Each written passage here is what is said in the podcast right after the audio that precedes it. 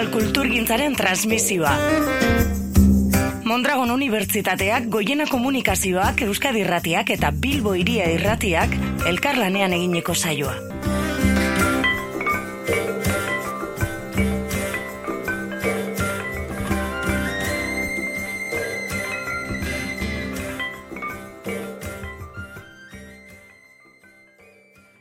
Ane gandara, ikertzailea eta irakaslea gonbidatu dugu gaur, lan askoren egilea, besteak beste gaurko elkarrizketaren aitzakia, bonako tesi mardula da Euskal Ondare Kulturalaren moldatzea, mila beratzireun da iruro gehi, laro mar, egungo kultursistemaren oinarri, baliabide eta forma simbolikoak. Ane gandara ongi etorri? Kaixo, mila eske. Lan mardula egin duzu. Agiz mardula. Zaiatu behar gara, papertako pasartetxo batzuke hartu, eta ondorio batzuk ateratzera. Lehenik eta behin kokatze aldera, bueno, zergatia ez da, e, hau guztia egite, egitearen e, arrazoia. Zergatik e, gura zenuen e, tradizioa aztertzea? Bueno, nik ulertu nahi nuen gaur egungo kulturaren oinarriak zein ziren. Euskal kulturaren oinarriak zein ziren eta oinarriaen alderdi nagusietako bat izaten da tradizioa izan hori da, ez? Eta orduan iduritu zitzaiten abia puntu garrantzitsua eta ezinbertzekoa ba, gaur egungo egoera ulertzeko. Duan, joan itzen bigelera. Eta egin nuen irurogei, laro mar bitarteko tradizioaren nundik norakoak aztertu. Hain xuxen ere gaur egungoa ulertu ahal izateko. Ados, mila beratzen da irurogei eta laro gita margarren urte bitxartiak aztertu dituzu, horre bi zatitan banatuta, zergatik gara jori? Zergatik, ba, orduan ondu zelakoz gaur dugun Euskal Kultur Sistema. Gaina ondu zen, bueno, agiz prozesu interesgarria dela medio, ez? Edo prozesu interesgarri baten ondorioz. Lemizko aldi batean, irurogei, irurogei tamabortz bitartean, lemizko fase horretan, ba, aztuak edo, edo bigelean utziak, aspiratuak ziren ondareak berreskuratu egin genituen, kantak, koplak, bertsoak, horiek danak berreskuratu, eta gero irurogeita mabortzetik aitzinera berriz, ba, autonomien sistema ezartzarekin batera eta trantsizio ofizialarekin batera ba, egitura eman zitzaion, funtsatu egintzen hori erakundeekin, eta orduan instituzionalizatze prozesua hasi zen. Kultura horren, berreskuratu berria zen kultura horren, ba, instituzionalizatzea. Ados, gaera hori aukeratu eta segituan e, arazo edo traba batekin egin zaiguen e, topo, hain zuzen ere, estaturik gabeko komunitatea aztertzeko, betzagoela, baliabiderik eta zuke hori aztertu gura? Bai, izan du tesian arazo nagusia. Nagusi, nagusia. Nik landu nahi nuen gure komunitatearen tradizioaren garapena, kontua da hori lantzeko, ba, gure komunitatearen ezaugarri nagusi etako bat den estaturikako komunitatea izatea kontuan zuen baliabide teorikorik genuela. Eta hori hasi nintzen bila, bila, ba, bueno, tradizioan nola landu zitekeen, mm sistematikoki lantzeko ze oinarri teoriko zen eta enuen aurkitzen. Eta orduan erabaki nuen, bueno, ba, alik eta urbilenekoen eta baliagarrien izan zitezken alderdiak hautatu, autoreak, eta hoiek egokitzea. Orduan, lehen da bizi egin behar izan nuen egokitze teoriko bat gure egoerara, estaturik gabeko komunitaten azterketarako baliagarria izan ziteken oinarriak sortze asmoz, eta gero hortik abiatuta, horiek aplikatu, irurogei eta larogei tamar bitarteko tradizioaren garapenera eta alaxe aukeratu zen dituen bi eremu. Batetik aldizkariak. Aldizkariak. Eta bestetik hainbat autore. Autorea. Banan bana joango gara. Zergatik aldizkariak? Aldizkariak. Aldizkariak, aldizkariak dira fundamentala, irurogei, irurogei eta bitarteko euskal kulturaren garapena ulertzeko. Zergatik? Ez geneukan kultur sistema egituraturik, ez zeuden argitaletxe nola baitere, ez zegoen argitaletxe sare finkaturik, ez zagoen alako irakurleria finkaturik, eta orduan aldizkarietan agertzen ziren momentuko kulturgile nagusien iritziak, ideiak, proposamenak, hor agertzen zen dena. Nola ere gure plaza aldizkariak mhm. ziren, eta irakurle izugarriki zauden aldizkari daukienez. Orduanik aldizkariak eh, landu nituen irurogei, irurogei tamabortz bitartean, hor zegoelakoz, euskal kultura, euskal gizartea, eta bere, bere garapena islatua. Eta bertzetikan importantea irutu zitzaidan, bueno, ba, lan zehatzak ere lantzea, hautatu nituen Mikel Laboarenak, Bernardo Atxagarenak, Josea Sarrion Handia eta Jon Juaristi, eta bide nabarrerago, baino ezin bertzean landu nituen baita ere, ba, Jorge Oteiza eta Gabriel Aresti, hain xuxen ere, hoien lanek ondorio zuzena izan zutelakoz euskal tradizioaren eta kulturaren garapenean. Mm Orduan, aldizkariak bai, garrantzitsuak, ora agertzen zelakoz gure kultura, baina gainera, oir, ikultura hori nola baitere bideratu zutenen lana ere, agertu nahi nuen. Eta ba, lan horiek, hautatu nituen. Aldizkariak e, zeintzuk, eta bueno, ez bai. dakit e, zerre topo dozune bai. horietan?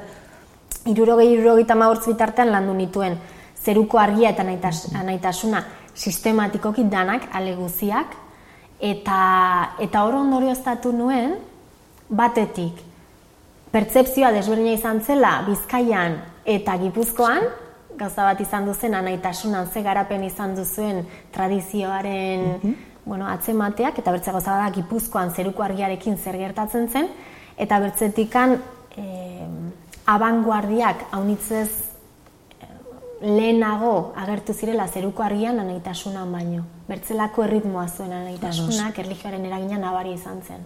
Hori izan duzen ondorio nagusiena. Eta, eta gero, irurogeita maurtzetik, larogeita marrera bitartean, potxa aldizkaria eta ustela landu nituen, eta, eta hor ondorio nagusia izan zen, literaturaren autonomia aldizkariak direla medio errebindikatu zela eta lortu zela. Ados. Hori aldizkari dagokionez, autoreak eh, hainbat, horiek ere bi garaitan eh, kokatuta. Bai. Mikel Laboaren inguruan eh, baina emozio bereziarekin eh, berbetan sumatu zaitu. Bai, bai. Mikel Laboaren adibidea da mundiala, komunitateak izan zituen beharrak zein izan ziren deskribatzeko, eta gainera beharroiek nola asebete ziren tradizioa dela medio ba, argitzeko, ez? Laboak ez, ez zuen bakarrikan hauzkondare kulturaleko elementuen berreskuratze lana egin, berreskuratu bai egin zituen kanta, koplak eta bat, eskaini egin zituen, baina gainera eskaintza hortaz gain, albidetu zituen edo moldatu zituen garai modernora. Eta orduan lekeitioetan ere funtzionalak bihurtu zituen. Balio zuen gure hauzkondare kulturalak, aika mutildoinuak adibidez, balio zuen, bueno, ba, hitze zaratagoko komunikazioa ditzera mateko, ez? Gernika lekeitioan. Jo, ba, zegoen elementu hori hortiak. Konektatzen zuena izugarri ongi komunitatearekin. Eta orduan, abanguardiarako ere, ahozko ondare kulturalak, euskal ahozko ondare kulturalak balio zuela erakutsi zuen Mikel Lagoak. Gero egia da, bertzelako autorek, ba, bertze karpen batzuk egin zituztela, fundamentalak baita ere, Bernardo Atxaga ere landu dut, Bernardo Atxagak Joseba Sarrion handiak eta Juaristik bakoitzak tradizioaren proposamen bana egin zuten. Mm -hmm. aitzinera erabaki egin bar genuen. Ze tradizio hautatu? Ba, autonomien sistemarako nola baitere eta bakotxak, bueno, nahi gabe nola baiterrateko tradizio mota bat proposatu zuen. Atxagak proposatu zuen iraganekoa lehen da bizi ukatu eta hortik abiatuta ba, landa mundu hori nola baitere e, desidealizatzea, eh, distantzia jartzea horri. Sarren handiak e, proposatu zuen tradizio unibertsala alde batera utzi eta euskaltasunean oinarrituriko tradizioa behartzuela. Eta Jon Juaristik aldiz, bueno, ba, euskaltasuna ukatzen zuen tradizioa hautatu zuen. Horretxek nagusik aztertu dituzunak, baina lehenago aipatu duzune moduan, e, besteak beste, oteiza ere, behin baino gehiagotan aipatu bai. duzu. Oteiza, aipatu behar da, bai edo, bai, oteiza izan duzen, horiek guztiak eragin zituena, mhm. arestirekin batera. Kuauskoetan demori izan duzen gure inflexio puntu da nik uste dut. Hortik abiatuta euskal kulturaren birmoldatze sakona izan du genuen. Bere indarrak, berak lortu zuen ikuspegi positiboz, begirada positiboz erreparatzea gure identitateari. Eta hori izan duzen lehen biziko bueno, alderdi fundamentala. Eta zer esanik ez, ez doka mairuren inguruan? Ah, bai, bai. Ez doka mairukoek asmatu zuten, ez bakarrikan eskaintza emozional hori ez, asmatu zuten ailegatzen.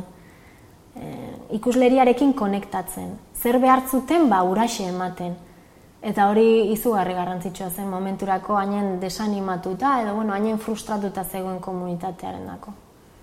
Eta horiek guztiak aztertu eta gero, ondorioak hainbat, dudabarik. izan duire, maila diferentetakoak gainera, bino nagusiena o, nagusia izanen litzateke, bueno, ba, komunitateak behar desberdinak izan zituela, eta behar hoiekiko koherentzian, koherentzian eskaini zela eta moldatu zela ondarea eta tradizioa. Guk zer behar, tradizioaren modu horretara landu zutela kulturgileek. Mhm. Eta gainera, bueno, ba, moldatzelan hori batetik koherente izan zen, ez?